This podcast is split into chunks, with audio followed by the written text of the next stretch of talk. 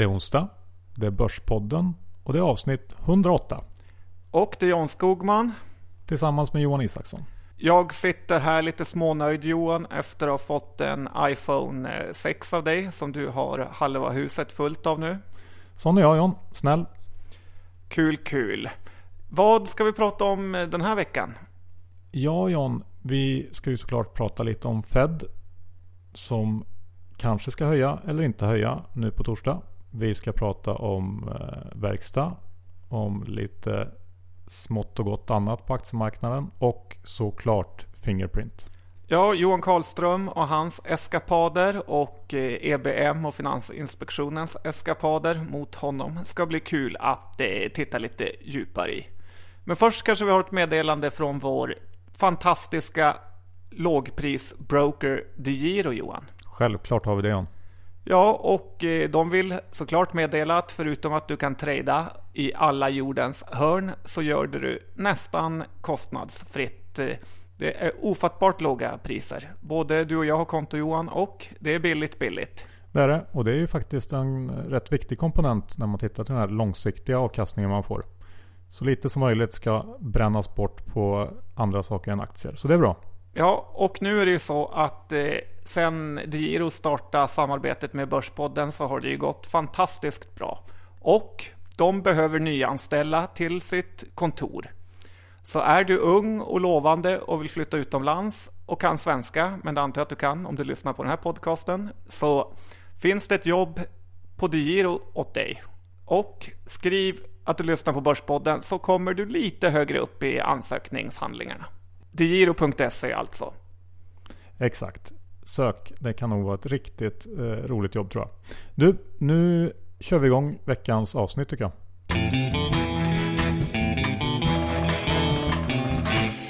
Johan Isaksson, index är i 1480. Det svajar lite fram och tillbaka och vi har etablerat oss under 1500 nivån. Det känns inte riktigt som att den stora nedgången har börjat. Eller vad säger du? Nej, jag håller med. Och vi hörde ju där vad Jonny Torssell sa förra veckan att 1400 är den nivån som han håller koll på för att avgöra om vi ska bryta ner ordentligt. Så fortfarande i någon slags mellanläge och det som kanske kan ändra på det här är ju morgondagens besked ifrån Fed, FOMC, där man kanske ska höja räntan eller så avvaktar man. Vad tror du? Jag tycker att det känns som ett väldigt close call som man säger. Jag, jag vet faktiskt inte. Jag har eh, ingen riktigt vettig gissning. Och argumenten för och emot tror jag alla vet vid det här laget. Det har ju skrivits så mycket om det här så att man är sjukt trött på det. Jag hoppas att de höjer. Dels för att vi ska slippa snacket om det här. Och signalvärdet, att man visar att det är möjligt, att ekonomin är stark nog för att klara av det och så vidare. Eh, jag tror att det vore bra. Jag tror faktiskt också att det vore bra för börsen om man höjde. Möjligt att det skulle vara lite avvaktande först men jag tror nog att en höjning faktiskt skulle kunna utlösa ett rally på uppsidan. Och jag tror en utebliven höjning möjligtvis kanske skulle leda till lite kortvarig glädje men det skulle i sin tur tror jag kunna leda till en krasch. Ja, då blir det mer oro i framtiden. Ja, och så kan marknaden fortsätta att spekulera i varför de inte höjde ekonomin svagare än man trott. När kommer höjningen och så vidare. Ja, det, jag har lite den inställningen just nu. Men vi behöver inte spekulera så länge till kring det här för imorgon kväll så får vi veta vad de gör. Spännande blir det. Du, vad har du eh, spanat på då? Bostadsmarknaden vet jag att du har lite åsikter kring nu.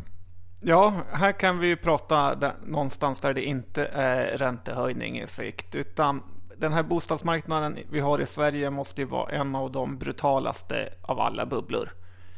Ibland förvånas man över politikerna som pratar om procentsatser i rot och rut men det alla vet att man egentligen borde göra är att sänka ränteavdraget. Det är så pinsamt att se den här enorma subventionen till bankerna Johan. Dessutom om räntan kommer gå upp Johan så kommer räntekostnaden för staten att eh, skena som precis på en 50 000 kronors order. Ja, det är ju faktiskt någonting att tänka på. Och då kanske man måste höja skatter eller? Och när vi är inne på skatter så kanske man ska prata om spelbolag. Ja, men Johan, det är ju så att Börsveckan har ju fått en eh, kolossal aptit på spelbolag. 50% av deras portfölj består nu av eh, spelbolag. Ja, vad tycker du om det? Ja, det känns lite konstigt att satsa på bolag som bara betalar ingenting i skatt. Om det är deras fördel. Ja, och inte så diversifierat heller kanske. Men men, det har ju gått bra så det kanske kan fortsätta gå bra. Och avslutningsvis här i första delen John så måste vi ha någon typ av inflationstake också. Ja, ja, kul att du frågar Johan. Jag var på Ekerö musteri och fikade. Och där kostade en sockerkaksbit 45 spänn. Ja, det är billigt. En bit sockerkaka Johan för 45. Och det börjar bli så sinnessjukt dyrt i den här huvudstaden nu att eh, man undrar vart det ska ta vägen. Men Ingves ser ingenting av det här. Undrar vad han mäter. Ja, sockerkakspriser på Ekerö kanske inte med i den här korgen som, som man mäter inflation i.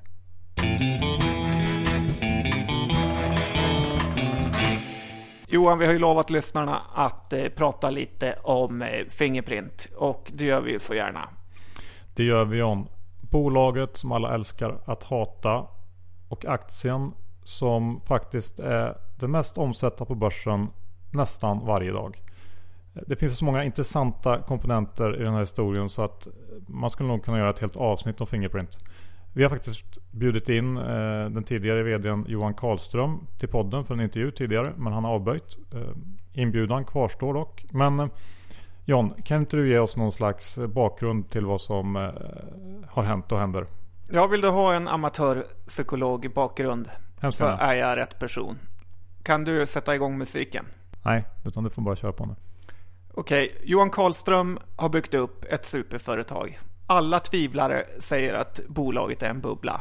Mest baserat på att nästan alla andra företag som sticker iväg så här snabbt faktiskt är bubblor. I efterhand har det väl ändå visat sig att Fingerprint är ett riktigt fint företag som kunnat fightas i toppen av teknikvärlden. Ett företag Sverige borde egentligen vara stolta över. Under tiden det här hände så hamnade Karlström i en insiderhärva, vilket fick hans tvivlare att gå till personangrepp och dessutom ge sig på hela företaget. Då Karlström vägrar vika ner sig för media genom att ta en timeout eller avgå så har media blivit ännu mer aggressiv mot honom. Vilket i sin tur har gjort att ett enormt hat har byggts upp hos Fingerprint-toppen. Det här i samband med att han har blivit miljardär har gjort att han kan försvara sig ordentligt nu och nu är han ute efter att straffa det som skadat honom. Ja, det lät ju lite som en filminledning där. Och vad är det som har hänt nu på slutet då? På Twitter så har det ju blossat upp en strid kan man säga kanske. För Karlström har börjat twittra och det med besked. Ja, han har ju blossat upp som en Twitter-favorit och om vi ska titta vad den här soppan innehåller så anklagar Johan Karlström eh, börssnackaren Labull och ett gäng andra traders som är ganska stora i diverse garantsammanhang eh, för att ta insiderinfo från självaste EBM och Finansinspektionen. Att de har fått tips om att när han har blivit häktad så har de valt att blanka Fingerprint-aktien som i samband med det här kollapsade. Då. Och det är omöjligt för oss att veta någonting som helst om det här. Men fakta är ju att Finansinspektionen och EBM eh, faktiskt anställer folk som har varit traders och andra inom finansbranschen. Och jag säger Johan, om, om bara någon procent av det Johan Karlström säger skulle visa sig vara sant så skulle det här vara en av de största korruptionsskandalerna i svensk historia. Ja, precis John. Det är ju väldigt intressant att följa vad som kommer hända i den här härvan just nu. Så att eh, vi får se helt enkelt. Eh, men det här är ju ett spår när det gäller Fingerprint som utspelar sig lite vid sidan om. Sen har vi ju själva aktien också och värderingen av den. Ja, där har ju Per Lindberg på ABG gått till attack medan Carnegie har höjt eh, riktkursen ordentligt. Johan, du som är en av de allra smartaste grabbarna out there. Hur kan du guida oss igenom det här? Carnegie gick ju ut med sin beryktade Goldfinger-analys förra veckan. Där man satte köpstämpeln på Fingerprint med en riktkurs på 350 kronor. Samtidigt så har ju ABGs Per Lindberg som du sa gått ut och varit starkt kritisk till eh, bolaget och aktien. Han säger att eh, den är värd ungefär 10% av eh, nuvarande kurs, det vill säga kanske 20-25 spänn då. Och tittar man på deras olika prognoser så skiljer sig de också då såklart drastiskt åt. Carnegie räknar med en omsättning på 5,7 miljarder nästa år. En vinst på 1,6 miljarder på rörelsenivå. Medan eh, ABG räknar med 2,4 miljarder i omsättning och 400 miljoner i vinst på rörelsenivå. Eh, det är ju sällan man ser sådana här stora divergenser i vad analytikerna tycker och räknar med i ett bolag. Ja, verkligen. Per Lindberg tror ju att eh, fingeravtrycken kommer försvinna och eh, det är ögonen man egentligen ska fokusera på. Ja, jag vet inte riktigt hur man har tänkt det. Det tycker inte jag känns som en sån där superidé att behöva ta upp telefonen och bara kika på den innan man svarar. Men eh, ja, vem vet. Eh, hur som helst så är det starka åsikter eh, kring värderingen och sen har vi också då vid sidan om det här Ola Rolén som gått in tungt kring 175 spänn och lastat in många miljoner i det här. Så att alla komponenter finns. Men vad tycker vi då? Vad är aktievärde egentligen? Och är det köp eller sälj? Ja, vi har grottat ned oss lite mer för den kortsiktiga traden. Och Johan, imorgon i veckans aktie som kommer i samarbete med Veckans Affärer kommer vi att presentera vår syn på saken. Ja, så håll utkik där. Nu går vi över till lite andra nyheter på marknaden. Jajebox. Eh, ska vi börja med att titta på CTC Johan, som eh, faktiskt också varit uppe på tapeten. Ja, vad har hänt där? EasyJet har sagt nej till CTTs avfuktningssystem och i min bok är det här, förutom att CTTs personal skulle vara terrorister som la in bomber i flygplanen, det värsta som skulle kunna hända. Man har pratat om den här orden i evigheter och hur den ska få spridningseffekter och hur andra flygbolag ska haka på.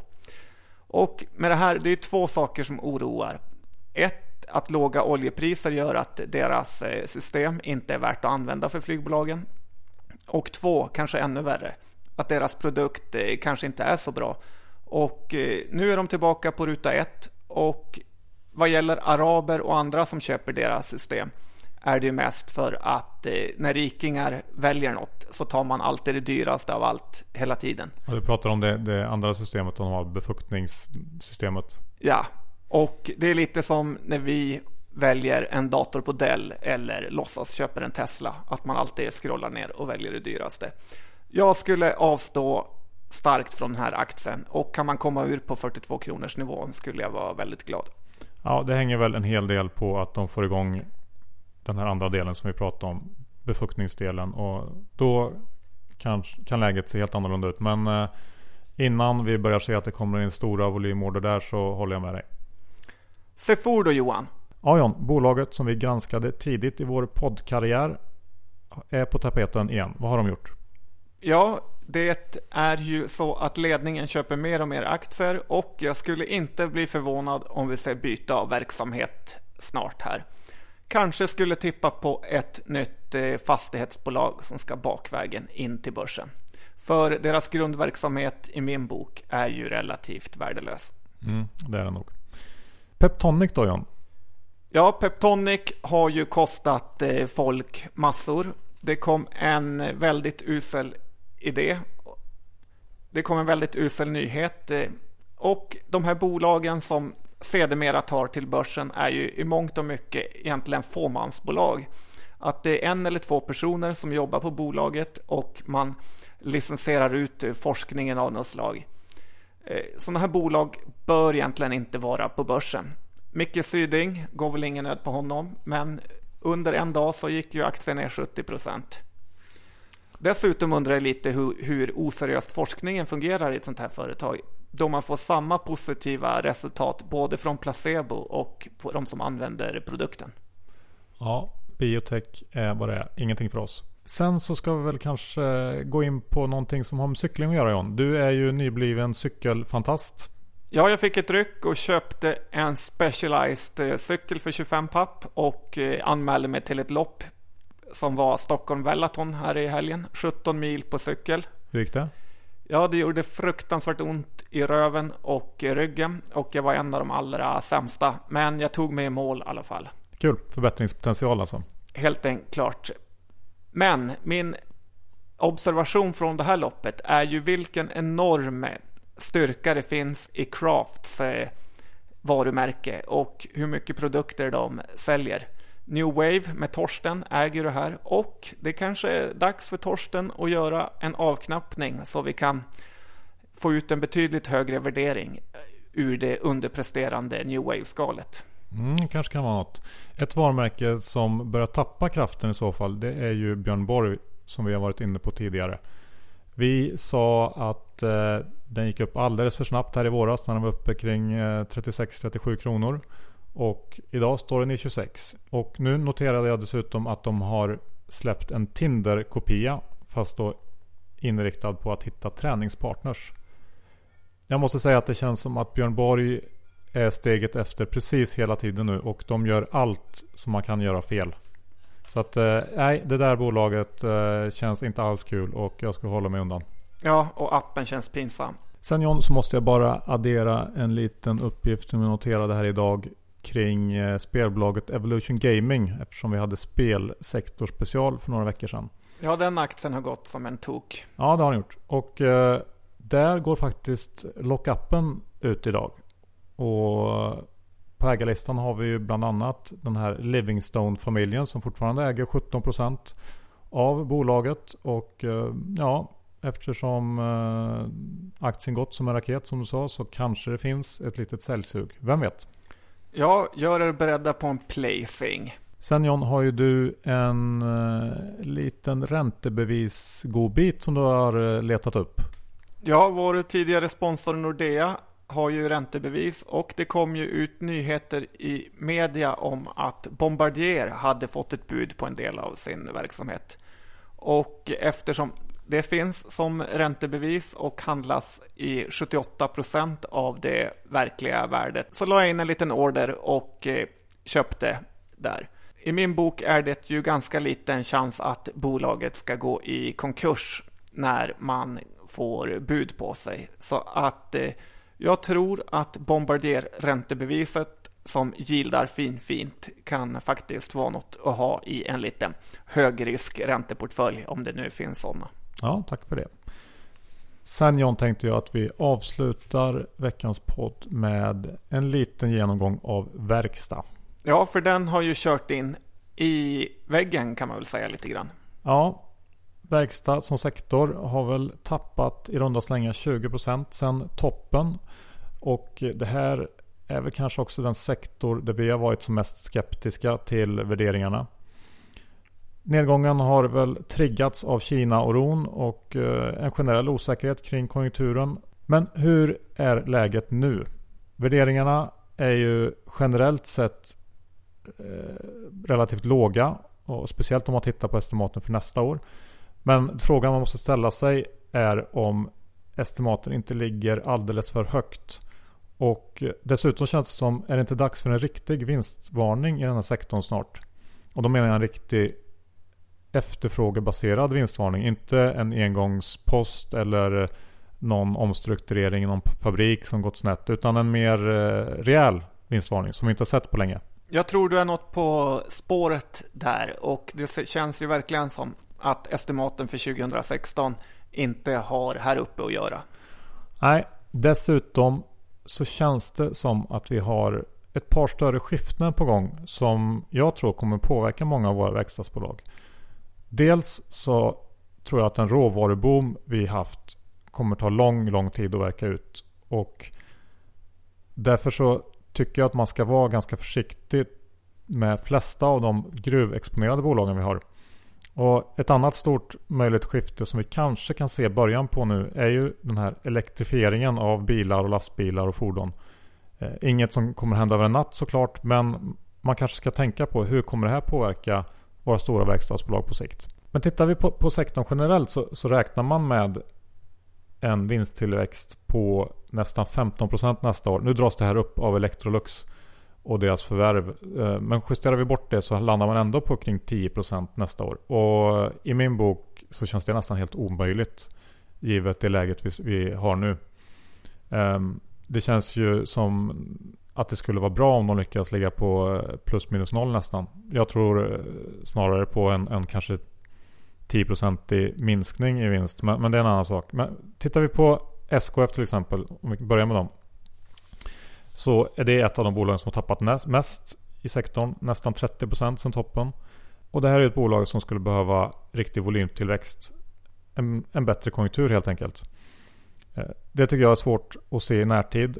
Och det gör också att aktien känns ganska eh, trist trots det här stora tappet. Det som talar för SKF är ju den låga värderingen såklart. Lägst i sektorn.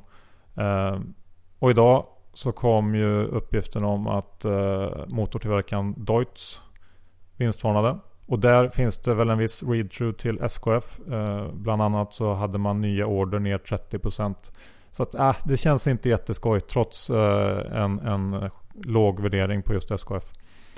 Tittar vi på Sandvik så eh, är ju de i ett väldigt osäkert läge nu. Det återspeglas i kursen. Även här 30% tapp sen toppen. En del pekar på den fina direktavkastningen i Sandvik som ju är kring 4,5% någonstans nu. Eh, och menar att det kanske kan vara en indikation på att aktien är köpvärd häromkring. Jag är lite fundersam kring uthålligheten i den här utdelningen.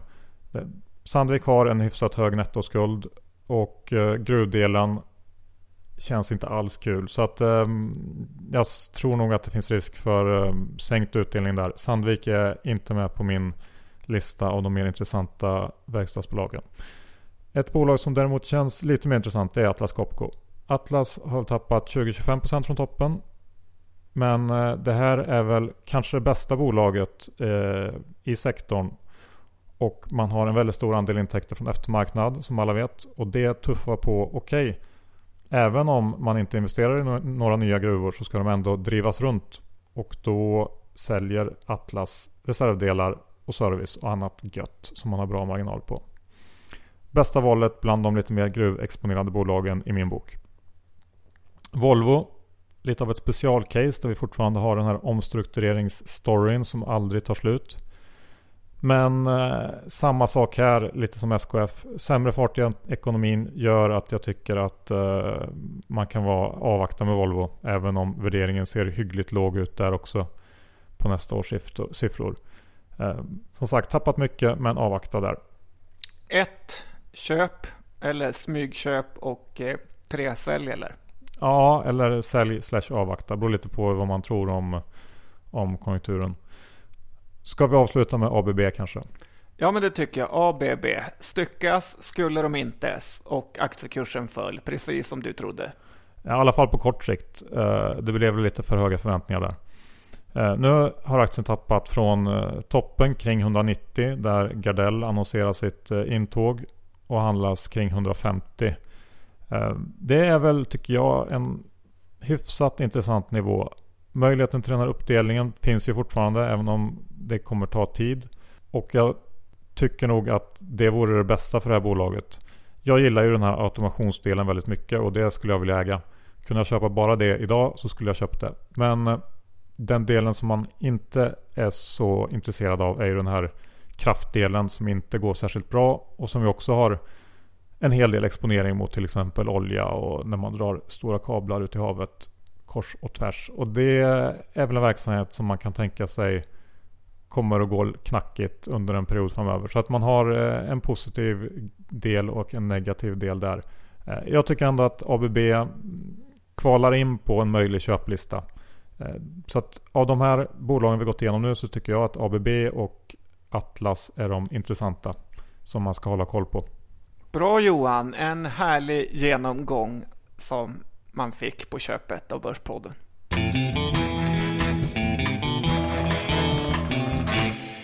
Sådär John, ännu ett avsnitt avklarat. Ja, väldigt eh, lärorikt om man själv får säga. Ja, det får du säga. Um, vi ska tacka DeGiro, vår underbara sponsor som gör allt för att vi småsparare ska kunna tjäna mer pengar. Ja, stora sparare. Trada marknader jorden runt samt även sök ett jobb där nu och eh, testa lyckan i finansbranschen. Digiro.se Yes. Missa inte veckans aktie där vi imorgon kommer att ta en titt på Fingerprint. Det är jag så nervös för så att jag knappt kan sova i natt. Nej, det blir lite jobbigt. Men, men det måste göras John. Och vi får inte glömma vår disclaimer John. Jag äger inga av de aktier vi har pratat om idag John. Hur är det med dig? Nej, idag äger jag inte heller några av de aktier vi har pratat om. Konstigt ja, nog. Så enkelt kan det vara. Glöm inte bort att eh, signa upp er på Bokklubben om ni inte har gjort det. Och eh, det gör man på vår nya fräscha hemsida där det också finns mycket annat skoj. Så gå in dit och kika även fast ni inte är intresserade av Bokklubben. Ja, den blir bättre och bättre för varje dag. Börspodden.se Johan. Mm. Det var allt. Vi tackar för oss. Är glada att ni lyssnade så hörs vi om en vecka igen. Och kom ihåg veckans aktie. Tack och hej. Hej.